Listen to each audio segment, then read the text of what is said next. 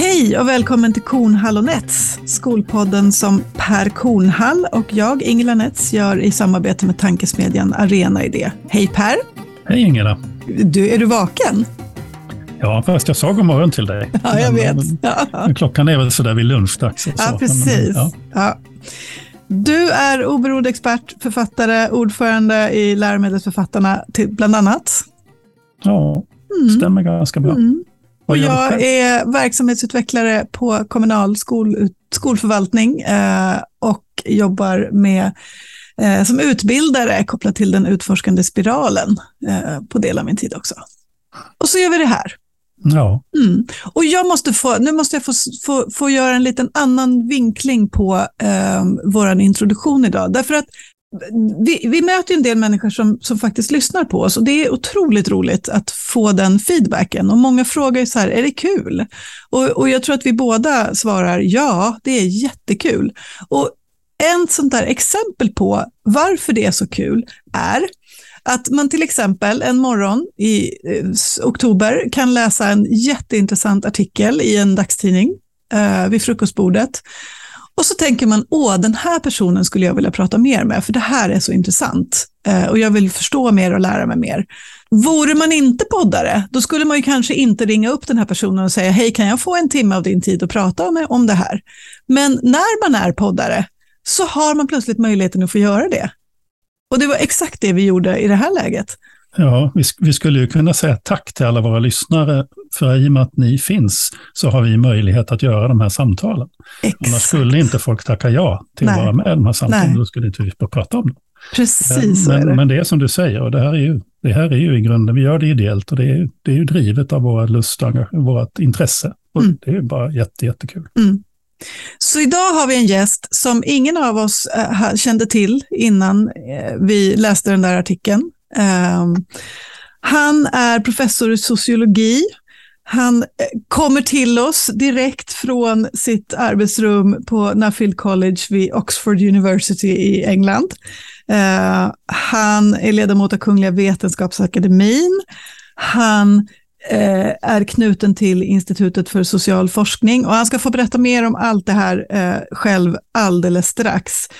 Och den artikel som vi blev så nyfikna på hade titeln Integrationsdebatten har hamnat på villovägar. Varmt välkommen till podden, Jan Janne Jonsson. Tack så mycket för det. Tack så Janne för är liksom eh, det vi använder, visst var det så? Det låter bra, tycker ja. jag. Varmt välkommen, vad roligt att du ville vara med.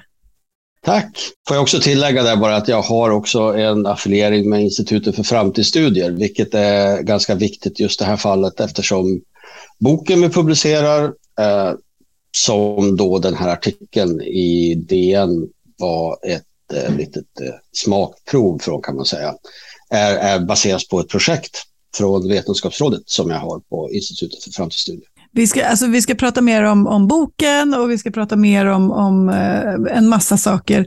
Men, men kan du inte säga någonting och berätta om dig själv till att börja med? Vem är du? Vad har du för liksom, bakgrund? Hur blev man forskare med de positioner som du har idag? Ja, eh, det är ju förstås en, ganska lång historia, då, men jag, jag började eh, ganska tidigt med utbildningsfrågor. Eh, jag var forskningsassistent då på Institutet för social forskning. Det här var redan på 80-talet, eh, vilket får alla förstå hur gammal jag är också. Eh, och därefter var jag också huvudsekreterare för en ganska stor utredning som leddes av Robert Eriksson vid institutet om social snedrekrytering till högre utbildning eh, som då publicerades 1993 och där liksom blev det mer stadfäst sådär att okej, okay, jag är utbildningsforskare. Och sen har det gått på på det viset. Jag forskar ju inte bara då om utbildning utan också om social rörlighet, intergenerationella relationer, eh, framförallt då i ojämlikhetssfären. Men jag vet inte om ni har hängt med här men nu för tiden så är jag mest i radio och tv när det gäller fattigdom, vilket också är ett av mina eh, forskningsområden. Eh, och det går ihop lite grann då med det som är aktuellt nu egentligen och det är forskning om integration och eh, om eh, invandrares och barn till invandrares möjligheter i det svenska samhället. Så att eh, det, det, är där vi har landat ungefär eh, idag. Då. Sen har jag tillbringat mest av min tid i Stockholm faktiskt, ända fram till för tio år sedan. Ganska exakt när jag då fick eh, en tjänst här på Nuffield College i, i, Oxford. Och här har jag nu, här släpar jag fram mina dagar, lycklig för, för, det, för detta. Ja, stackars dig. Ja. Jag har, jag har en dramatisk fråga att börja med. För jag tittade på några av, sökte upp några av artiklarna så som det har skrivit och så, och så tittar jag nu, och jag läste bara abstract ska jag säga, eh, så att du inte tror att jag plöjt igenom all, all, all din forskning, för det har jag verkligen inte hunnit göra. Men eh, en av de artiklarna så stod det citerad av två, stod det. Jag skulle vilja fråga, alltså, når forskningen ut? Och frågan är egentligen kopplad till det här, det, är det som fanns i, i artikelns rubrik. Vad är våra stora missuppfattningar? Alltså det finns en tvådelning här i det ena. Du har en, en, en oerhört kunskap och detaljrik bild av vissa frågor. Eh, men när vi andra förstår vi det här? Alltså vad är de stora missuppfattningarna och varför når inte forskarna ut med sin bild? Det är två väldigt stora frågor. Ja, det var verkligen en metafråga det här. Jag, jag, en väldigt intressant fråga faktiskt, som jag, jag gärna spekulerar i. Och det är ju som, precis som du antyder här, att många av våra forskningsartiklar är ju ganska esoteriska. Nu har vi ju nu har, jag, nu har jag över 10 000 citeringar totalt, så det är klart att det uppmärksammas där. Men det är ändå jag hörde att det lät fel där, som att du inte var citerad. Nej, liksom, det var inte det, även, det, var inte det som var min poäng. Även under 10 000 ja. så är det liksom inom en väldigt snäv grupp. Va? Det är ju så att när jag, när jag tittar på citeringar på mina artiklar så är det så att häpnadsväckande många av de som citerar mig känner jag. Så att det är en liten grupp och det är svårt att, att nå ut med de forskningsartiklar vi skriver. Men jag kan säga det att vi har ju då alltid försökt och jag har alltid försökt ända från den här utredningen då, som var en statlig utredning, SOU 1993, så har jag alltid liksom interfolierat de här lite tyngre forskningsartiklarna med publikationer på svenska som har varit relativt eh, populärvetenskapliga, eller till och med mycket populärvetenskapliga i, i många fall. Böcker på svenska, utredningar på svenska.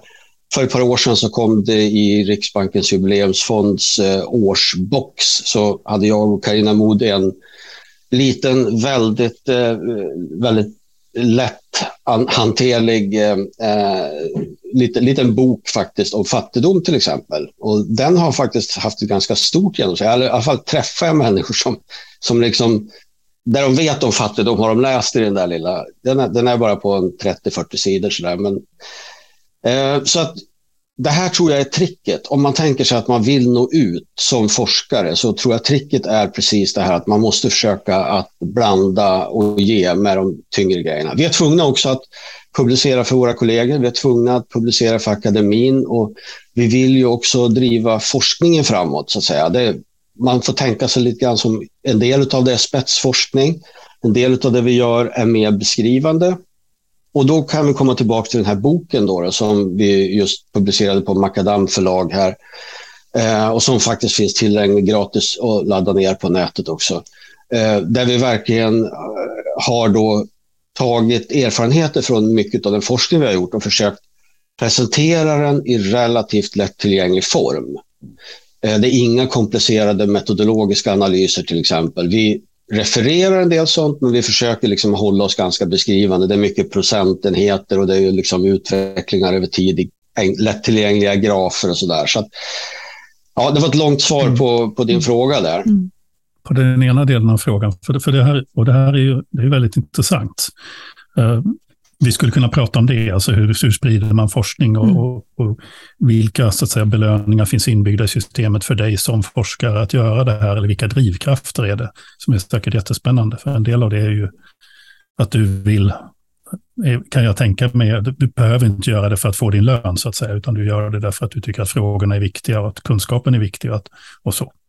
Men jag kan gärna sticka in här och säga att på senaste tiden eh, har vi haft väldigt god eh, hjälp i det här genom våra kommunikatörer. Alltså det här är någonting som verkligen har växt till inom forskningen också, att man nu har kommunikatörer både på Stockholms universitet och på Institutet för framtidsstudier som är behjälpliga. Eh, och, och det är verkligen en enorm, eh, enorm bra hjälp för oss som är forskare som ju liksom inte riktigt då är det är lite grann som en egen vetenskap där hur man når ut. Så att, eh, det här tror jag är någonting som kommer. Så att jag, jag känner ändå att det här är, det finns ett närmande mellan forskningen och eh, liksom vanliga allmänintresserade, samhällsintresserade människor trots allt. Och jag menar, ni gör ju precis samma sak. Väl? Ni är ju också mm. ett utmärkt exempel på att det finns en sån här membran liksom, mellan mm.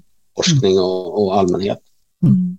Det är ju spännande, det väcker mycket tankar kring eh, när man diskuterar det har, det har ju lyfts framförallt kanske i, i, i miljö och klimatpolitiken eh, senaste åren, att, att det är ett sådant avstånd mellan mellan, åtminstone uppfattas det så och framställs så, mellan de som sitter på besluten och makten och den forskning som faktiskt finns. Um, så där finns ju också mycket att gräva i, tänker jag, kopplat även till skolområdet. Um, vi hävdar ju gärna, vi som befinner oss i skolan, att, att det är inskrivet i lagen att, sko att skolan ska bygga på vetenskaplig grund och beprövad erfarenhet. Och så kan vi ibland raljera över att vi tycker att våra politiker eh, saknar både det ena och det andra när, när det gäller det i sitt beslutsfattande. Men, men vi måste komma tillbaka till den här eh, artikeln som växte, väckte och boken då, då, som jag tänker är att artikeln är liksom en liten skrap på ytan av vad som finns, finns i boken. Eh, ni, ni, har gjort en studie och då är det du och din eh, kollega Karina Mod, för det var ni som var artikelförfattarna i, i DN i alla fall. Eh, berätta om den här studien. Ni har följt en stor mängd unga människor under ganska lång tid.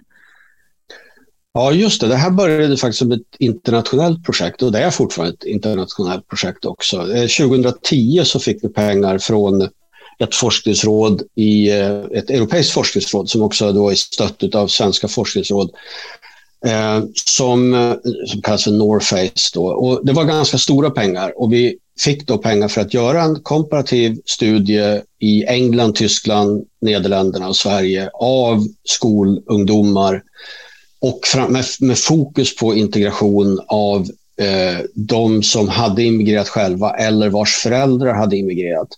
Men att det var fokus på det gjorde, betydde ändå inte att vi liksom gick ut och bara intervjuade dem, utan vi försökte göra en riksrepresentativt urval då utav skolor faktiskt och därmed också av elever. Vi, vi, över, vi drog ett överval av invandrartäta skolor för att vara säkra på att vi fick tillräckligt många som hade immigrationsbakgrund. Och det gör väl den här studien kanske då lite unik, att vi, att vi kan gå i detalj på det här. Vi, vi hade då en session 2011 när de gick i årskurs 8 och vi frågade dem väldigt många frågor om allt möjligt, deras skoltid, deras eh, fritid, deras eh, attityder.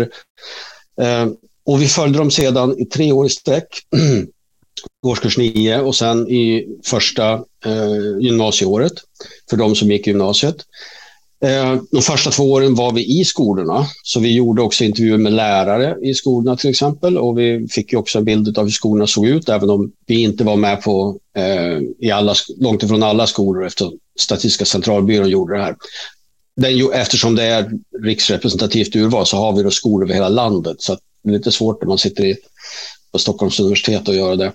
Eh, vi följde sedan upp de här med eh, online-enkäter eh, 2016 eh, när de då var, så från början var de alltså 14-15 mm. år. Va? Mm.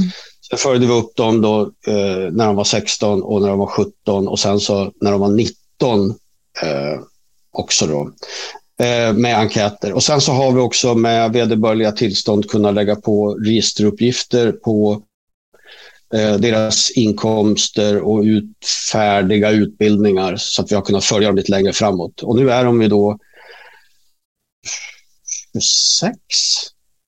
Ja, 26. Mm. De är födda, mm. Nästan alla är födda 1996. Mm. Så vi följer den här kohorten. Vi, vi, vi är intresserade av, av, deras integration, men vi är också intresserade av mer allmänt hur går det för dem? Hur, hur liksom tar de sig fram i ett för många då ett lite främmande land och eh, för andra ett land som de faktiskt föds in i, men där de har utlandsfödda föräldrar. Mm. Så det är väl bakgrunden. Och jag kan säga det också att en, en av hörnstenarna i det, i det här projektet, det var ju att ha en flerdimensionell syn på integration. Och det var, nu kommer vi tillbaka lite grann till den första frågan som jag aldrig svarade på, lite grann det här med varför är, är, är den här debatten vi har i Sverige eh, vilseledande? Eller hur har den hamnat? Liksom så, det, den är så konstig på något sätt. Eh, och, då, och då är det så att vi har ju då sett det här att, att integration är verkligen flerdimensionellt. Vi kan inte bara reducera den till eh, arbetslöshet eller brottslighet eller övergång till högre utbildning eller attityder till homosexuella. Det är liksom integration är allt det här. Det är, det är allt det här till och med mer ändå. För det mm. handlar om politisk integration, den stora kulturella biten med identitet och, och, och såna här saker. Så det var, det var liksom utgångspunkten. En bred flerdimensionell bild där vi kan följa eh, unga över tid för att få en bild av också hur det här förändras över deras tonår. Och jag får ju flera tankar, för jag, jag, vet ju en del av resultaten. Om, om jag, återgår till den, men jag återgår till den enkla frågan, vad är den stora missuppfattningen tycker du? Om vi, om vi tittar på dagsdebatt i Sverige i förhållande till de resultat ni har. Vad är den stora skillnaden? Alltså jag tror att den stora, den stora saker som skulle förvåna vanliga människor, det är ju det här att det ofta är en väldigt, en eländesbeskrivning av unga med invandrarbakgrund. Och det är också lite grann, tycker jag, det här att de, de ofta eh, porträtteras som offer. Eh, mm. Och det vi ser är ju liksom nästan tvärtom. De, ju, de har en extrem agens de här. De, är, de är väldigt ambitiösa, stora framtidsförhoppningar. Och det går faktiskt väldigt bra i skolan för många av dem. Jag skulle säga att för 75-80 procent av dem går det helt okej okay i skolan. Många gör betydligt bättre ifrån sig än sina kamrater med svenskfödda föräldrar. Eh, men det är liksom mer än så. Det är liksom en energi i den här gruppen som är väldigt påtaglig. Alltså. Och sen så finns det en, och det, det, det är det här som då debatten ofta hamnar i. Det finns då en del, jag vet inte om jag ska säga 10-15 procent som utav de som har utlandsfödda föräldrar som liksom ramlar ur det här systemet på något sätt. Och de, många av dem då har ju problem i skolan också medan deras Eh, kamrater gör väldigt bra ifrån sig så har de istället problem, ramlar ur redan på grundskolan, eh, alldeles för många av dem. Och alldeles för många av dem eh, kommer inte heller att slutföra sina gymnasiestudier. Det, här, det här liksom delar den här gruppen lite grann med, och jag, jag, är lite osäker på vad man ska säga, 80-20, 85-15, någonting sådär. Va? Och det är klart att av de här 15 procenten som ramlar ur skolan och så där så kommer en väldigt liten del sen att gå omkring och, och, och skjuta på varandra och så där. Och det är det vi ser i, sen i pressen. Och mm. det, jag, jag, det är klart att det är korrekt i någon mening därför att det är verkligen eh, de, de, den kriminalitet som finns är ju extremt viktig för hela samhället. Men samtidigt får den inte porträttera hela gruppen. Det är liksom det som vi försöker säga. Går det att göra någon... Upp, ja, förlåt, jag bara fick ja, ett sånt ja. uppvaknande. Förlåt, mm. men bara den korta kommentar från, från att på Skolverket fick jag ett kort uppvaknande inför det här när jag insåg, för jag var ju ansvarig för utvecklingsinsatser i naturvetenskap och teknik och när jag insåg att det största det invandrartätaste programmet i svensk gymnasieskola var det svåraste, nämligen naturvetenskapliga programmet. De var klart överrepresenterade där. Ja. Jag insåg att bilden av, av de här ungdomarna eller integrationen är, var väldigt konstig. Så, och det var väldigt många år sedan. Förlåt, mm. Ingela. Ja, det är lugnt. Uh, nej, men jag funderar på, utifrån från er studie, Janne, går det att om, om man, om man gör, säger så att ungefär någonstans 15 procent av, av ungdomar med som själva är utlandsfödda eller har båda föräldrarna utlandsfödda eh, faller ur systemet om vi använder liksom det som en, en, en beskrivning av de, de, som inte klarar till exempel gymnasiet. Alltså finns, finns det motsvarande siffra för, för svenskfödda eller barn med, till svenska föräldrar? Svenskfödda föräldrar? Absolut, och den är väl ungefär hälften så stor. Okay. Uh. Nå mm. Någonting sånt. Mm. Men vi ska säga också, och det här, är ju, det här var faktiskt en sak som överraskade oss också, att av de här som man väldigt lätt stämplar som att de har ramlat ur mm. systemet, till mm. exempel de som inte klarar grundskolan, med, som inte är, är, är behöriga till eh, nationella gymnasieprogram till exempel.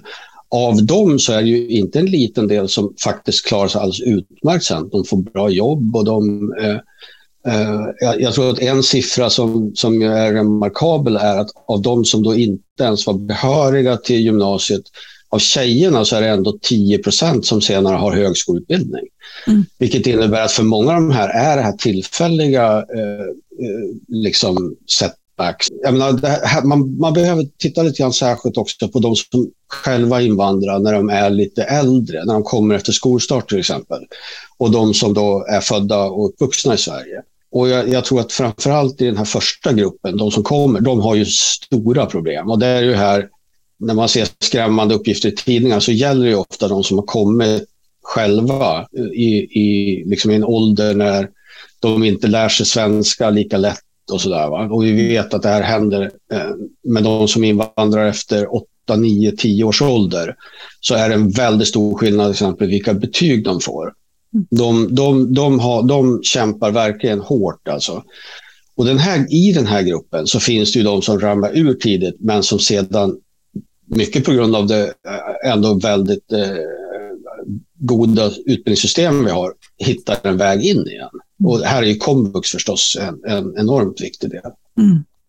Mm. Det här som du sa, nu, för det är en av de saker som, som jag reagerade på och blev och tyckte var väldigt tänkvärt var ju att ni visar ju väldigt tydligt att skolkvaliteten, eller ni uttrycker väl lite grann som att på grund av den skolpolitik som har förts så har vi ett väldigt bra skolsystem.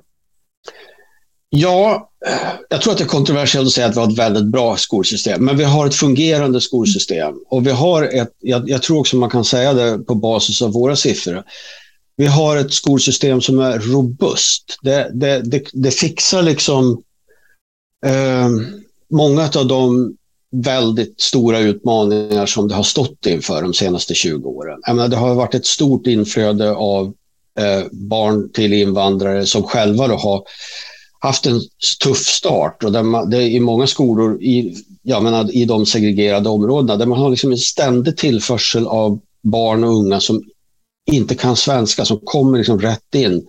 Och på något sätt ska de här in i klasser där förutsättningarna kanske också är ganska svaga ibland. Och hur, hur utbildningssystemet under de här senaste 20 åren faktiskt har klarat av det här, det, är faktiskt, det, det pratar man nästan aldrig om, utan det är nästan bara klagomål på skolan. Men på något sätt har vi ändå ett robust utbildningssystem. Nu kan man, nu kan man säga, jag vill inte framstå som jag säger att vi inte har något problem i skolan, därför att det har vi verkligen. Men det är ändå eh, den bild som förvånade mig mest, det var nog det här ändå hur robust det ser ut. Mm. Man skulle väl kunna säga att de stora kommunerna, för det är ändå där vi har de stora antalet, att de stora kommunerna har bedrivit en, en kompensatorisk skolpolitik som har faktiskt fungerat i någon mening, om man jämför med internationellt. Mm. Ja, det, det, det, det, tror jag är helt rätt. Alltså. Och jag, jag, jag menar, det här har ju förstås kommit till en kostnad. Jag tror också att det har varit så att man under en, den här perioden har, har, har satsat rätt mycket på skolan. Alltså. Och, och med absolut eh, rimligt skulle jag säga också med tanke på hur viktigt det här är. Jag kan säga det också, jag tycker det är klart att det är viktigt, man kan säga att så här, det är viktigt ur ett samhällsperspektiv att eh, människor eh, skaffar sig den utbildning och de förbättrar de kunskaper som de eh, vill ha och så där intresserade av. Men det är ju i vårt perspektiv, ett integrationsperspektiv, så är det ju med den segregering vi har, den boendesegregering vi har, så är det ju enormt viktigt att skolorna i de här områdena, eh, som då, eh, där det då finns väldigt få svenskfödda, skolorna i de områdena fungerar väl. Det, det, är ju, om det är någonting man ska göra liksom, åt integration eller ojämlikhet eller nästan någonting som har med samhällets utveckling att göra så, så är det skolorna i de här utsatta områdena som behöver vara av hög kvalitet. Alltså. Mm. Och där kan vi, väl, vi kan väl bara få tipsa om att, att uh, ni som inte har lyssnat på uh, avsnittet som kom för bara ah, det kom här efter sommaren, eh, som Jesper gjort i podden med eh, Happy Hilmarsdottir som är eh, skolchef på Järva i Stockholm, som ju är ett av de här områdena som definitivt kan betecknas som segregerat. Så lyssna på det, eh, därför att hon kan, hon kan eh, ge kvitton på hur bra det blir när man har en, en kompensatorisk tanke i, i ekonomiska och sen eh, ser till att ha riktigt, riktigt bra eh, lärare helt enkelt, som gör ett fantastiskt jobb eh, och vilka framsteg eleverna gör. Eh, men jag, jag tänker jag skulle vilja få, få backa, för vi pratar om integration. Eh, och jag tänker att redan där kan man ju eh, ha en massa tankar om vad, vad är integration? Vad menar vi när vi pratar integration? Och jag tänker att du får, får liksom ge din bild av vad det betyder i, i dina sammanhang. Går det, går det att mäta när en människa är integrerad? Nej, när du frågar så så är det klart att svaret är nej på något sätt. Utan integration som vi studerar är ju lite grann på strukturell nivå. Uh. Det, här, det, här, det här handlar ju mer om att se på hela grupper, hur, mm. hur, hur, man är, hur de är integrerade. Men det är också riktigt att det finns inte någon, eh, liksom någon bra överenskommen definition på integration som skulle hålla upp där alla skulle säga ja, det här är vad vi menar med integration. Utan på något sätt måste man definiera det här eller operationalisera som vi säger på forskar, forskarspråk. Eh, och då har vi då hamnat i i, i, en definition som vi tycker är rimlig och det är att vi säger att vi jämför, vi jämför grupper, eh, till exempel utlandsfödda eller barn till utlandsfödda och barn till svenskfödda föräldrar. Vi jämför grupper och sen ser vi på skillnader när det gäller medelvärden, fördelningar för den delen också. Till exempel hur många går till högskolan. Vi mäter också typ attityder, vi mäter sociala relationer över etniska gränser och såna här saker. Och sen tittar vi på skillnader mellan de här grupperna. Och integration på det sättet då blir ju Ja, det blir, man kan tycka så här, det blir lite blodlöst på något sätt. Därför att det blir då, liksom, det blir då liksom statistiska uppgifter om skillnader mellan grupper. Men vi tror att man måste nästan göra det. är väldigt svårt att komma ifrån den typen av, av, av diskussion.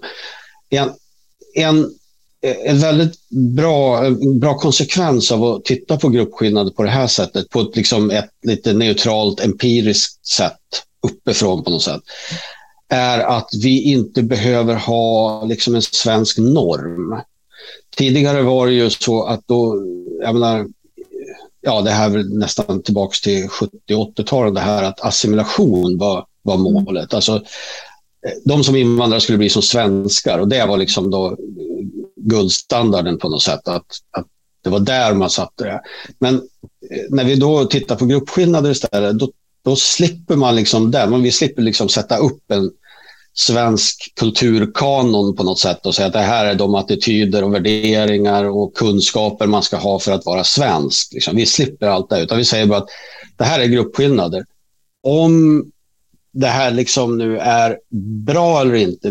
Vi vill inte ha en normativ grund till det här, utan vi tittar bara på, på skillnader helt enkelt. Då tittar vi om skillnaderna minskar eller ökar över tid, till exempel, när de växer, mm. går genom tonåren. Sådär. Så det är en, som sagt var, det, det, blir lite blodlöst, men det blir också så att vi, vi, vi, vi slipper många av de problem som då det här som då är normativt knutna till integrationsdebatten då, som ju är liksom motsatsen till det här som vi vill ha då lite mer eh, neutrala, objektiva, liksom strukturella perspektivet till, till eh, det, är liksom väldigt blodfyllt och ofta väldigt upprört och sådär. Mm. Och, och, och då kränger den debatten liksom om, om, integration hit och dit. Men vad är det här för någonting? Är det att fira midsommar? Är det att kunna svenska nationalsången? Eller vad är det att vara svensk? Liksom? Och det, här, det här är en nästan hopplös diskussion alltså, som, som vi då, som forskare absolut vill hålla ifrån oss. Utan vår, vi ser ju vår uppgift som att presentera så objektiva uppdaterade fakta om integration som möjligt som då kan ligga till grund för den här lite mer brodfyllda diskussionen. Så att den allmänna debatten har någonting, liksom parametrar att hålla sig i på något sätt, va? som ledstänger nästan i den här debatten. Mm. Du har ju uttalat, ni har också sagt, jag såg en, eller en eh, presentation som du gjorde av forskningen och sen men fick du några frågor och du vill inte riktigt svara på den där med, med segregation och friskolor och liksom den debatten. Hur ser du på segregation som ett problem och, och eventuella, eller skolvalets eh, betydelse i den här, för integration och för segregation? Alltså jag, jag tror att en sak kan man säga ganska tydligt att eh, den fysiska eller geografiska segregationen som finns, att man bor i olika bostadsområden och i olika städer och sådär också. Den, den kommer definitivt att sätta ner då det som vi mäter som social integration. Det vill säga till exempel vänskapsband mellan människor från olika nationaliteter med olika bakgrund. Eh, även parbildningar som vi också studerar, där det fortfarande är väldigt stora skillnader. Så det, det tror jag vi kan säga ganska säkert, att det är, det är, en, det är stora effekter på den sociala integrationen. Sen är vi ute på i en fråga som då, där då forskningen fortfarande kämpar ganska mycket. Och det är frågan, om vi har den här bostadssegregationen, kommer det också leda till ojämlika möjligheter, till exempel att få goda jobb, eller inkomster eller utbildning. Och där måste vi säga, det är en Eh, nästan sensationellt svår, svårforskad fråga eh, som man inser när man tänker på det här problemet att det, det, handlar så mycket om vilka bosätter sig var, vilka egenskaper har de som bosätter sig var? Och hur ska man kunna på något sätt ta bort den effekten från den eventuella effekt som finns av det faktum att man faktiskt då bor på olika ställen. Och forskningen, och jag, här har vi liksom inte gått i mål i forskningen, men det, som det ser ut nu så är ju åtminstone i Sverige så är det ju så att man, eh, man, har, man tror ofta att segregationen har väldigt stora negativa effekter och forskningen hittar inte särskilt mycket av det här.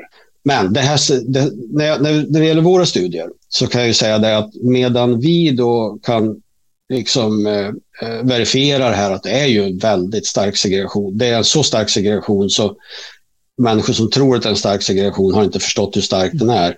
Ygeman var ute här och trodde att vi skulle kunna komma undan med 50 procent svenskfödda i, i de här områdena. Men, men det räcker ju ingenstans liksom, i, i, idag. Va? Så att segregationen är väldigt stor. Eh, och, och, det är så att barn till invandrare är en väldigt stor grupp i Sverige. Va? Så att det, det, måste man ha klart för sig.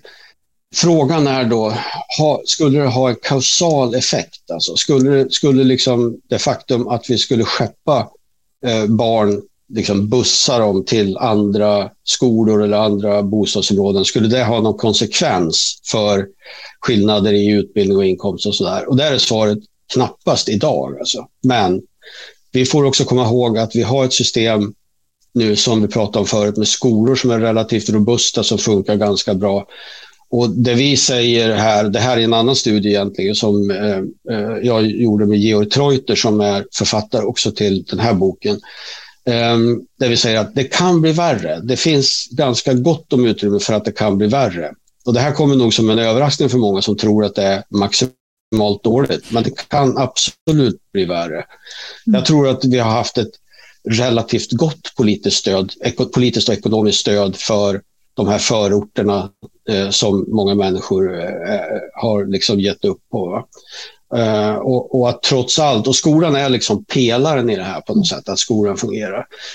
Och Det här gör då att segregationen är nog ett mindre problem för just de här hårda eh, utfallen som utbildning, inkomst och jobb eh, större problem för den sociala integrationen. Och då kan man vara fullt öppen och säga också att, att det här med social integration, det är inte så, eh, så, så ofarligt som det låter. Därför att vi tror också att i, i, i längden, fast vi inte har hunnit studera det här, i längden så är ju det sociala kontaktnätet och sociala nätverket också viktigt för arbetsmarknadsframgångar. Och det här det här är någonting som vi skulle behöva studera mer djuplodande. Men det faktum att, att man inte umgås, att, att det liksom blir ganska täta skott mellan eh, särskilt medelklassbarn egentligen med svensk bakgrund och, och, barn med invandrarbakgrund. Att det här, att det här liksom blir, det blir för täta skott. Att det i längden kommer att leda till att eh, möjlighetsstrukturen på arbetsmarknaden till exempel kommer att vara ojämlikt Eh, eh, fördelad mellan de här grupperna. Jag gjorde ju själv tillsammans med Herman Bender, eller jag har gjort två studier egentligen, och det är ju köksbordsforskning, eh, båda två. Ja, någon mening den andra studien var lite mer noggrann, för där fanns det en duktig eh, John Östlund, en duktig statistikelev som läste sociologi, som tittar på det. Men vad vi ville titta på var ju att det finns det är ju en sak i Stockholm, Göteborg och Malmö där, där förorterna är stora. Det är svårt liksom att tänka sig att skolorna skulle, alltså Alltså, där, är, där är boendesegregationen en väldigt stark effekt. Men vi tittar ju på 50 mellanstora kommuner i Sverige, alltså de normala städerna. Där kunde vi ju se att det var skolsegregationen som var den kraftfulla. Och, och, och den såg bara ut egentligen på ett enda sätt, nämligen att just de här svenska mellan, vad ska man säga, mellan medelklass eh, barnen de valde friskolor i väldigt hög grad. Eh, och vi kunde visa med geografiska mått att det var verkligen skolvalet och inte boendet som orsakade den här segregationen. Eh, jag tänker just den här, att det faktiskt är olika, att Sverige är inte bara ett system, utan att det är olika system, att man behöver ta in den här bredden i hur det ser ut, att det slår på olika sätt i olika typer av kommuner. Ja, det är en bra poäng faktiskt. Det, och det är ju så här, jag tror att om vi tittar 10-15 år tillbaka, då var det en stor skillnad i, i, i segregation helt enkelt. Därför att det var inte så många, det var inte så många invandrare. Men jag menar, idag har vi ju de här områdena som vi känner från våra storstäder. De har vi också i ja, jag menar, Linköping, eh, Helsingborg, eh, Borås. Jag menar, de finns liksom i, i om man, om man tar det mellanbandet med, med 100 000 invånare så har man ju nästan i alla de städerna nu eh, en ganska stor boendesegregation. Mm. Men det är ju riktigt det du säger också, eh, och det var den frågan jag kanske, du kanske tyckte det passade på tidigare, att, eh, att sko, det fria skolvalet och friskolor eh, liksom bidrar till den här segregationen. Det vet vi att den gör. Vi vet att det här leder till eh, att Eh, Eh, det blir liksom mer konforma eh, elevsammansättningar i skolorna och därför ökar skillnaden mellan skolor. Och det är klart att det här är ju en, det här är en fråga som, som jag sa förut, som jag, den är inte slututredd och jag tror ju att det här, den här förändringen har varit ganska kraftig under de sista tio åren. Så att den kohort som vi studerar med nödvändighet nu eftersom vi följer dem över så lång tid, de gick ju ut nian 2012. Och det är ju ingenting som säger att eh, våra resultat här skulle se likadana ut idag. Det, det, är ju, det har tillkommit mycket och hänt mycket under de här åren. Mm. Men, men visst, alltså friskolorna, och jag tror ju fortfarande att att friskolornas eh, effekter är större för den sociala integrationen än för kunskapsskillnader till exempel. Det är jätterimligt att tro det i med, i med mm. de kompensatoriska elementen. Plus mm. att det ju finns någon sorts negativ kompensatoriskt element i friskolorna i och med att de har en lägre lärartäthet och lägre behörighetsgrad på lärare. Och så. Det, så att det borde så att säga jämna ut sig eh, när man då mäter eh, utfallet. Mm. Eh, det, den, den poängen du gjorde tycker jag också är intressant, just att forskning, den här forskningen som ni har gjort är ju makalöst intressant och ger upp väldig upplösning i detaljer och samtidigt så blir all forskning historisk. Ja, så är det. Mm. Eh, och då kan man säga så här som sociolog då att vissa kontextuella faktorer de förändras ganska snabbt. Till exempel när vi tittar nu på integrationsfrågor så har vi ju då grupper av unga med eh, utländsk bakgrund som då inte dominerar idag till exempel. På det sättet kan man säga att det finns en, det finns en kontextuell variation eh, i vissa faktorer som ändras ganska fort. Och det kan ändras ganska fort när det gäller skolor, tillväxten av friskolor och så vidare. Så att vi har den här grejen. Men samtidigt så finns det, då, och det här är en, som sociolog, när man ser djupa sociala strukturer, de förändras väldigt långsamt. Mm. mm. Om vi, om vi vänder tillbaka till, till skolans roll, för du, du betonade ju nästan direkt där att skolan är otroligt viktig och det, det är också, tänker jag, eh, lite, lite sådär gott i magen att höra dig med någon form av liksom utifrån perspektiv ändå peka på skolan som en, en robust organisation som, som har klarat väldigt, väldigt svåra utmaningar i stor utsträckning de senaste åren. Och det, vi vet ju att det, det, det, det har kostat. Liksom. Det har kostat i, i, slit för många av de som jobbar i skolan som också drivs så starkt av att, att vilja ge alla barn de bästa förutsättningar. Men utifrån de här olika perspektiven på integration, alltså vad, vad blir liksom skolans viktigaste uppgift? Är det språket? Är det det sociala mötet med, med liksom eh, barn och unga som, som kommer från olika sammanhang? Eller vad, vad blir liksom den viktigaste, eh, viktigaste beståndsdelen i skolans uppdrag? Ja, alltså jag, jag, nu känner jag mig som en traditionalist när jag säger att kunskapen måste ju ändå vara det viktigaste. De, de barn till utlandsfödda eh, behöver verkligen eh, liksom, helt enkelt ha samma kunskapsnivå som, som andra. Det, det, kan inte, det får inte finnas några hinder för det. Alltså. Och där tror jag ändå att eh, svensk skola på något sätt Ja, jag, jag, är inte den som ska utvärdera det som har hänt inne i skolorna, men till exempel att vi har haft ett system som där vi slussar in relativt nytillkomna in i, i normala skolor måste rimligen vara bra för integrationen. Eh, till skillnad från att man har dem i särskilda skolor och man liksom väntar på att de ska lära sig språket ordentligt och så där. Utan här är det ju lite grann man lär sig att flyga medan man är i luften. Alltså. Eh, och och jag, jag, jag, tror att det, utan, utan att ha, sätta någon forskning bakom, så tror jag att det har haft en, en god effekt på integration och på sannolikt också på kunskapsnivån. En sak som man ser i internationell forskning som, eh, som vi inte heller har studerat särskilt mycket, det är ju det här att förväntningar har konsekvenser. Att eh, om man förväntar sig att det ska gå dåligt för en grupp eller man inte tror att de kan någonting och så vidare så tenderar, så finns det en tendens också att de får mindre lärostoff och att de inte heller liksom, då liksom kommer att få samma mål som andra. Och det skulle ju, om det var satt i system, då har man ju liksom en diskriminering i stort sett i skolan. Så att jag tror att skolans, det, det viktiga i skolan är liksom att inte se på identitet eller någonting, utan köra på bara. Eh, och säga, okay, alla ska lära sig det här bara. Och det är bara att köra på. Och när jag ser de här siffrorna som säger att barn till utlandsfödda har faktiskt högre övergång till högskola nu än, än andra, så måste man säga att någonstans verkar det här fungera. Alltså. Det är mycket diskussioner om jag menar, ni har sett de här diskussionerna om vilken enorm diskriminering det är i svensk skola som vissa skriver om. Alltså, det eh, verkar ju helt osannolikt med tanke på det utfall vi ser. Alltså. Det går ju bra för dem i skolan.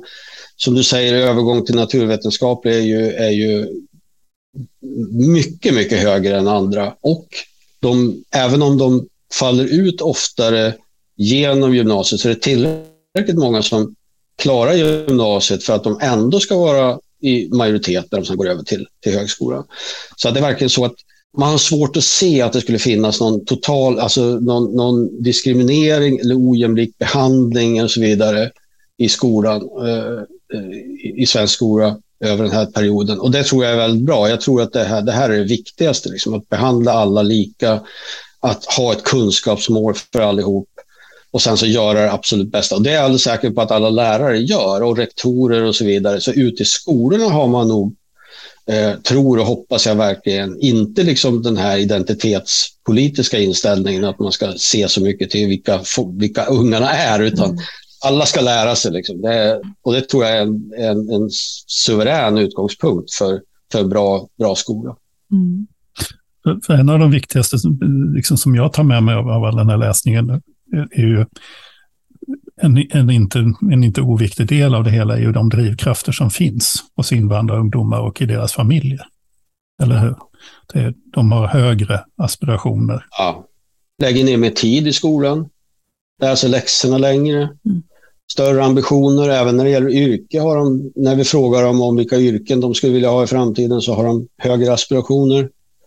Så att det liksom, det, och de har, som, som jag sa förut, de har hög framtidstro. När vi, vi har till exempel en fråga om vad de tror när de är 30 år gamla, om de, om de kommer ha bra jobb, om de kommer ha hög inkomst, om de kommer ha högskoleutbildning, om de kommer vara gifta och så vidare. Och de liksom maxar på allting. De är väldigt optimistiska. Så det är, och jag menar, det är klart att det här går ner lite grann och sen under gymnasietiden när, när de realiserar, liksom de, de blir liksom lite mer varse om hur stora chanser de egentligen har, men det går inte ner särskilt mycket, vilket gör att de bibehåller liksom en stor framtidstro genom utbildningssystemet också. Så, eh, trots en del motgångar, absolut. Så att, jag menar, det här, och jag menar, med tanke på hur många eh, unga som nu har eh, utlandsfödda föräldrar så är det här extremt viktigt för hela samhället, att det verkligen de får chansen, att det går bra för dem och så vidare. Så att eh, som jag sa förut, skolan är liksom motorn i det här, att det här fungerar överhuvudtaget. Det här är ju jätteintressant, för det, det, blir ju någonstans, vill man, vill man vara lite, spetsa lite grann så, så kan man ju raljera över att det, det, det är kanske den, alltså den norm eh, av svenskhet som de här eh, utlandsfödda ungdomarna eller barn till utlandsfödda föräldrar står för som grupp eh, i stor utsträckning är ju snarare det som, som svenskfödda barn till svenska föräldrar skulle behöva integreras i och lära sig av, därför att det finns en sån... Alltså, det, det finns kanske någon form av liksom eh, bekvämlighet hos många ungdomar som, som, som tror att det, de kommer att glida igenom det här bara för att. Liksom. Medan, medan många invandrarungdomar har fattat att här, man behöver jobba för, för sin kunskap och för sina framtidsförutsättningar. Eh, det är nog så att en, en del av de uh, ungdomarna har förstått det. Jag tror kanske att det är ännu mer så att deras föräldrar har mm. uh, insett att det här är enda chansen att klara sig i ett främmande samhälle, som för, åtminstone föräldrarna är ett främmande samhälle. Mm. Det finns ju också eh, belägg från internationell forskning att eh, eh, det finns liksom en kompensatorisk fråga av den, därför att de som invandrar har ofta nedåtgående social mobilitet. De, kom, de kommer ju ofta till ett land utan, utan att ha språket och så vidare och de kan väldigt ofta då inte nå samma socioekonomiska positioner som de hade i sitt hemland. Och, men de har samtidigt höga aspirationer då som då överförs till barnen. Mm. Och det här, är vi, det här ser vi på, vi har ju också intervjuat föräldrar, så att det här, vi ser också det här på föräldrarna. Föräldrarnas aspirationer är väldigt höga. Mm. Barnens aspirationer är väldigt höga och eh, eh det är väl inte en helt... Eh, om, man, om man ska försöka en gissning här så, så är det väl så att i eh, familjer med utlandsfödda föräldrar så är det en starkare överföring av aspirationer mellan generationerna från föräldrar till barn. Just det. Ett av, ett av era intressanta papper tycker jag var där ni visade att det, det kanske är för höga aspirationer. Alltså man söker sig till samhällsvetenskapligt program istället för yrkesprogram. Men slutsatsen ni drar i det pappret är ju inte att de har för höga, de kanske är många som ramlar ut, men att den, ser man på den sammantagna bilden så är det positivt både för dem och för samhället.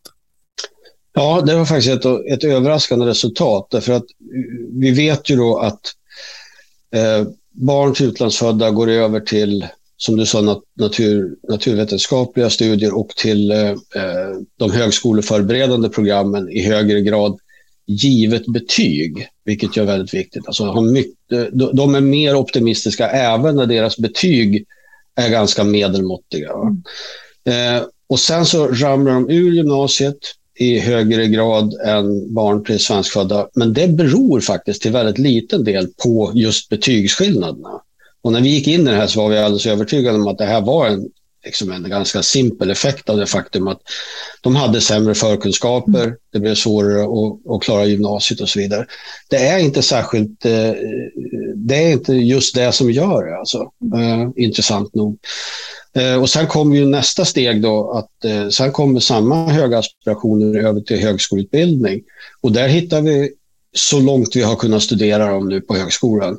Ungefär samma sak, att de går igenom och examineras i, i lika hög, till och med lite högre grad faktiskt, än barn till svenskfödda. Så att det här är, det här är verkligen, ja, det är en, det är en ambitiös och eh, framtidsorienterad grupp som eh, den stora majoriteten gör väldigt bra ifrån sig. Mm. Mm. Ja. Och i, nu då, i, i det liksom politiska landskap som, som vi, vi... Det är ju lite, lite oklart än så länge kanske i, i svensk politik vad vi, vad vi faktiskt kommer att och, och ha för inriktningar de närmsta åren. Så där. Men, men för i, i den här artikeln som vi läste i Dagens Nyheter så, så har ni skrivit bland annat i flera avseenden är det en öppen fråga om vilken integration som är önskvärd. En fråga som måste avgöras i det demokratiska samtalet.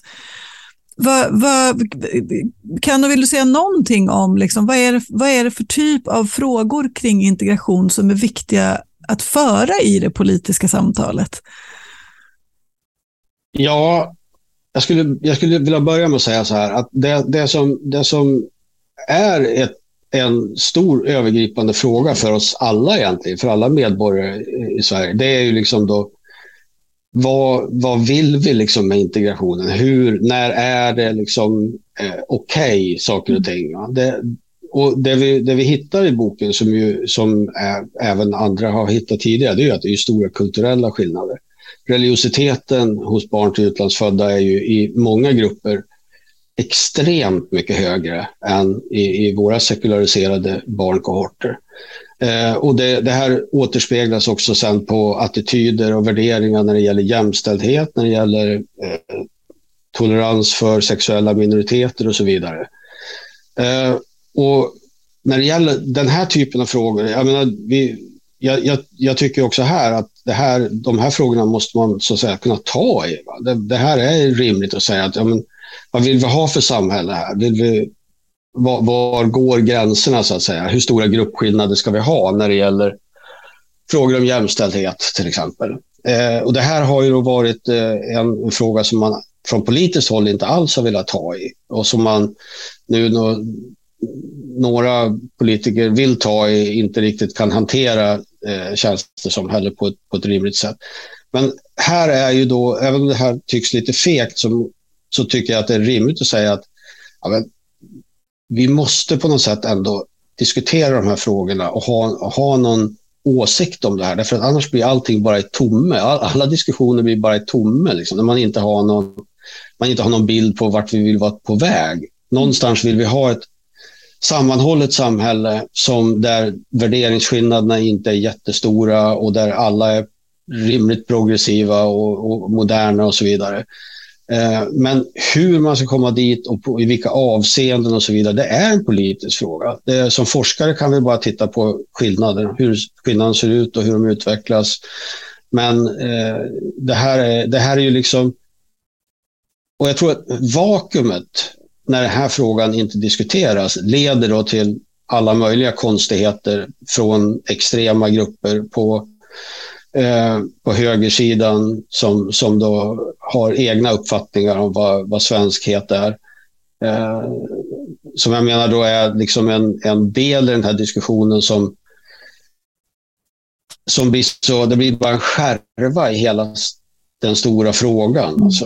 Eh, och, och det här Ehm, det här är ju då en, en fråga. Det, det, är två frågor egentligen som vi säger i boken. Det ena är ju det här, man borde kunna ha en diskussion om vilka rimliga mål vi ska ha. Och också då att vi måste också ta hänsyn till, när vi tittar på det här, liksom, vilka extrema skillnader det är mellan de länder som många av våra utlandsfödda kommer från och Sverige. Sverige är ju verkligen extremt i, i många avseenden. Sekulariseringen är ju en, en sån sak. Vi, vi är ju helt extrema här. Men det är också så att många av de som är utlandsfödda kommer från andra extrema länder som, där då religiositeten till exempel är väldigt, väldigt hög. Va? Även bland normala, normalfallen så att säga så är, så, så är religiositeten eh, jättehög. Och de har också då åsikter till exempel om homosexualitet som vi kanske hade på 50-talet eller något sånt där. Och då, jag menar, det, det, är en fråga då, både vad kan vi förvänta oss när det gäller integrationen i de här frågorna och vad är rimliga mål? Eh, och, och, och, som sagt var, vi, vi, vi passar lite grann på det eftersom vi är forskare. Vi, vi vill mäta det här helt enkelt. Mm. Vi måste väl börja runda av känner ja, jag, så att vi, vi inte tar för mycket tid av dig. Men jag skulle vilja, att, för vi har, lite, vi har pratat om boken, som, men vad heter boken och var kan lyssnarna hitta den? Ja, den heter då eh, Integration bland unga. En mångkulturell generation eh, växer upp. Eh, och den är utgiven av Macadam förlag och man kan hitta den nedladdningsbar på hemsidan på Institutet för framtidsstudier. Eh, och man hittar den lättast genom att bara slå in integration bland unga inom citationstecken och då, då kommer man eh, alldeles strax till den sidan. Mm. Fantastiskt. Alldeles gratis kan man få tillgång till att läsa det här. Alltså det, är... det finns också i hård, i hård version ja, ifall precis. man är konservativ och liksom vill läsa riktiga böcker. Ja. Tack ja. för, ska vi, har du några mer frågor Ingela eller ska vi avsluta? Nej, men vi kanske ska försöka runda av. Det finns ju jättemycket här som, som, som man skulle vilja eh, borra mycket djupare i, men vi, vi får kanske anledning att återkomma. Kommer ni fortsätta följa samma grupp vidare eller är ni liksom färdiga med den här gruppen? Ungdomar? Plan, planen är att vi ska söka medel nu för att, mm. eh, för att försöka göra en, en vända till eh, mm. med dem. Men också den, den, den, ännu större planen som är egentligen mycket mer ambitiös och tyvärr kräver väldigt mycket pengar. Det är ju att börja om med en ny kohort. Mm. Alltså för, för att mm. kunna se, har det här nu förändrats över tid? Mm. Nu har vi eh, unga från Syrien istället till exempel. Mm. Det, det, här, vi har inte längre några från Turkiet, men nu har vi från Syrien. Det är liksom, mm. det, kontexten förändras, vi har, stö, vi har mer friskolor, vi, vi, vi har liksom en annan situation helt mm. enkelt. Mm. Och, och, därför skulle det vara fantastiskt att kunna börja om nu. Men det är ett jättearbete. Det här mm. har ju tagit oss sju år av, mm. av forskning och bara få ihop det här. Alltså. Och, mm. Men vi, vi, vi, vi har planer på att i alla fall söka pengar för det. Mm. Va, vad är det som jag driver jag dig? Att ni får. Ja, jag, måste, jag måste få, liksom, jag blir så, det här, sju år så. Um, vad, är det, vad, vad är din drivkraft? Nej, men det, alltså, vi drivs ju alla tror jag av en, en nyfikenhet eh, och som sociolog eh, när det gäller samhällsförändringar totalt sett. Och det gäller inte bara integration heller utan ojämlikhet som vi studerar väldigt mycket och, och fattigdom. Eh, en nyfikenhet att se hur det här relaterar till vårt politiska landskap men också till vårt demografiska landskap då, som det här med in, invandringen liksom producerar. Det är ju en, om man vill ser det på det sättet som forskare så är det en väldigt spännande tid det här. Eh, Sverige har ju blivit liksom en jättelik experimentverkstad när det gäller både det ena och det andra de sista senaste 20 åren. Eh, och, och, för en sociolog är det ju extremt intressant. Det är kul att vi kan vara till glädje, vi andra. Precis. ja. ja. Ja, men alltså det var fantastiskt spännande ja, att få prata med dig. Tusen tack för att ja, du ville ställa upp. Det var, det, som sagt, det, det, väcker lika många nya frågor för varje, varje svar du ger och det är väl så det ska vara, att, att, ja. att forskningen också väcker vår nyfikenhet att, att förstå mer om, om, om oss själva och världen omkring oss. Så. Men tusen tack för att du var med, Janne Jonsson. Ja. Jätteintressant och, ja. och, som du sa, det väcker frågor. Ja, vi fick verkligen. lite att ta tag i oss själva för det blev gärna tyst. Man vill gärna ja, sitta men, och ja, tänka men, en stund. Ja, precis. precis. Mm. Ja, och det kan man ju få göra. Mm. Uh, och så kan man få, få nya frågor som vi kanske kan hitta fler som vill, vill prata mm. med oss om så mm. småningom. Sådär. Mm. Men jag, jag tänker, jag, på slutet här så, så, när vi pratade om, om de liksom politiska aspekterna så så sa ju Janne att, att, att huret, liksom, hur, ska vi, hur ska vi skapa ett sammanhållet samman, samhälle där skillnaderna inte är så stora att det liksom blir eh, slits isär. Um, och jag tänker att även frågan om vi vill ha ett sammanhållet samman samhälle faktiskt är liksom på den politiska agendan just nu. Ja. Ehm, vi sitter ju med en helt ny, nytillträdd regering, så vi spelar in det här samma vecka som, som regeringen har presenterats och alla ministrar. Um, och, och, och det, alltså på, på, riktigt är det ju så att, att vi har ett parti som, som inte sitter i regering men som sitter på mycket makt som, som jag inte alls är övertygad om vill ha ett sammanhållet samhälle utan tvärtom vill göra, göra skillnad och behålla skillnad. Ja, absolut. För jag tar med mig två saker för det här samtalet. Den ena är ju, är ju också läsningen som, som, som man ju gör inför ett sånt här program, mm. att den här bilden av invandrare som ett problem mm. eller förortens skolor som ett problem, att mm. den i, i, någon men, i någon men faktiskt krossas av deras, deras statistik, av mm. deras forskning, av deras verklighetsbild. Mm. Det ser inte ut på det viset. Eh, invandrargruppen som helhet eh, är väldigt, tar så att säga den möjlighet de får att etablera sig i samhället. De mm. har väldigt höga aspirationer. Skolorna tack vare den svensk skolpolitik där vi har förflyttat pengar till de skolor som behöver det. Kanske inte så mycket som vi behövde ha gjort det, men, men, men det kan vi mm. diskutera. Men så, så är inte kvaliteten på, de här skolorna, är inte det, det är inte det som det liksom fallerar på. Nej. Och så hamnar vi då i en mycket viktigare diskussion, den här varför diskuterar vi inte det här, vilket samhälle vi vill ha, vi allihopa, mm. utan vi har hamnat i någon sorts diskurs där där vissa, vissa grupper i samhället nu har bestämt sig för vad Sverige ska vara. Mm. Och där vi behöver diskutera sånt som hur, hur kan vi liksom hamna i ett samhälle som är där vi faktiskt vill vara, där, vi, där, vi, där alla människors sexualitet är helt okej. Okay. Mm. Eh, och så vidare. Vad är det mm. liksom här fundamenta och vara tydlig med att det finns konflikter i de frågorna. Mm. Och, och, våga prata om det, mm. som ju var lite grann det han efterlyste i mm. slutet. Där vi, mm. om vi nu ser oss som, som man ska säga liberala eller progressiva, de menar liberala i någon sorts upplysningsfilosofiskt tänkande, mm. måste vi föra de samtalen och de diskussionerna mm. och inbegripa alla grupper i samhället i det. Mm. Den här frågan du säger är, vill vi ha ett gemensamt mm. samhälle? Eh, den mm. är väldigt, väldigt, den är väldigt bra ställd. Mm. För att vi behöver nog lyfta på det locket. Det, vi kan inte välja om vi vill ha det ena eller det andra.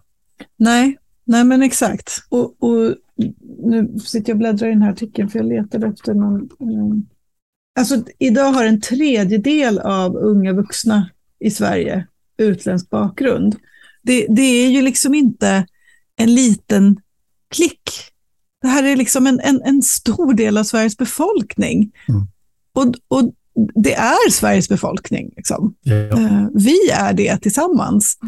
Mm. Um, och, och då blir det, det blir så märkligt att, att ja, fortfarande majoritet, men dock en, en liten liksom, minskande majoritet ska, ska ta sig rätten att definiera exakt då vad som... Ja. Man börjar prata om återvandring, för det skulle ja, innebära en tredjedel av Sveriges befolkning. Ja, just det. Skulle mm, bli, och, det kan vi ju ja, gissa hur bra det skulle miljoner, gå. Det var ju 6,6 mm. miljoner då. Mm. Eh, och då har vi också då, de som då ska utvandra är människor med starka drivkrafter som har utbildat sig väldigt mm. långt i det svenska mm. samhället. Alltså, det blir inte... Ja, Nej, men det, det är därför det känns så viktigt. Det blir väldigt absurd. Att, att få, och också lite befriande att prata med, för vi har ju haft en hel del eh, liksom, politiker i, i, som gäster i, i podden, men det är också befriande att prata med forskare just för att, att man i sin i sin roll också kan förhålla sig liksom med någon, alltså man, av nödvändighet måste man ju förhålla sig med någon form av distans till det man beforskar. Och det, det blir så befriande i samtalet tycker jag. Att, att säga, så fast vi kan se det här mm. när vi tittar på gruppnivå. Liksom. Mm. Eh, det är så det är. Mm. och det, jag gillar det. Det är ju det som har, hela den vetenskapliga mm. metoden leder fram till mm. det här. Mm. Jag brukar ibland tänka på att det finns de som anklagar de som tycker det är bra med vetenskap, att de avmystifierar verkligheten. Att, mm. att det blir liksom en enklare och tråkigare värld. Ja, just det. Lite blodfattig som ja, Jan uttryckte det. Men mm. då brukar jag påminna dem om att innan den vetenskapliga metoden satte igång, när man då skulle beskriva hur, hur världen såg ut, universum mm. och sånt, mm. så blev det liksom en, antingen en platt skiva eller om man hade kommit fram till att det i alla fall var en rund boll, så mm. var det olika liksom enkla maskiner kunde man tänka sig som drev runt sol och stjärnor och mm. planeter och sånt där. Och så jämför man det med den enormt häftiga bild som vi idag har av universum, mm. av tidsparadoxer och, och mm. Eh, liksom galaxer, triljoners, briljoners, mm. triljarders galaxer, vi vet inte. Och, alltså, och vi, vi har, alltså, jag, jag köper liksom inte riktigt det, utan vad vi får med en vetenskaplig metod är en bättre beskrivning av verkligheten. Mm. Och som gör att vi kan ha en gemensam referensram i diskussioner. Exakt. Annars så kan vi bara diskutera utifrån, ja men jag tror, nej men jag mm. tror och jag, och jag tror. tänker och min erfarenhet. Ja. Nej, men, men när vi tar reda på saker och ting så har mm. vi en gemensam referensram. Den måste mm. vi förhålla oss till och då, mm. då, kan vi faktiskt fungera tillsammans i ett mm. samhälle och så vidare. Det har varit mm. väldigt liksom stort och, och, så av det här. Men jag tycker verkligen så. Och jag, jag, tycker att vi ska, vi ska liksom skicka en, en, en, eh, en stark hälsning till alla er som lyssnar som, som jobbar eh, i skolan och eh, i stort sett alla nu eftersom en så stor del av våra barn och unga i Sverige också har den här invandrarbakgrunden om vi ska förenkla hur vi beskriver det. Eh, alltså ni gör ett fantastiskt jobb. Vi gör ett fantastiskt jobb som, som jobbar i skolan. Därför att ja. vi, när man beskriver Sverige i, i liksom någon sorts utifrån perspektivet, men så här 20 års experimentverkstad, eh, där en hel del experiment inte blev så lyckade, kan vi ju lugnt, det har vi ju konstaterat tidigare. Trots det så, så är det en ändå ganska positiv bild av hur, hur bra det faktiskt går för den stora majoriteten av våra barn och unga. Ja. Och den måste vi också lyfta. Och inte ja. bara liksom känna oss misslyckade i att det är några som det inte går bra för. Sen ska vi hitta sätt att jobba med det också, men, men vi får inte glömma hur bra det faktiskt blir för väldigt mm. många. Mm. Ja, är vi nöjda för nu? För nu? Ja. Du har just lyssnat på ett avsnitt av Kornhall och Nets, en skolpodd som jag, Ingela Nets och Per Kornhall gör i samarbete med tankesmedjan Arena Idé. Hör gärna av dig om du har förslag på personer som du tycker att vi ska möta i podden eller eh, teman och frågor som du gärna vill att vi ska lyfta. Du hittar våra kontaktuppgifter där du hittar podden. Och som vanligt så kan du också se oss om du eh, söker på Youtube eh, efter vårt namn Kornhall och Nets så hittar du alla våra avsnitt där också. Vi hörs snart igen.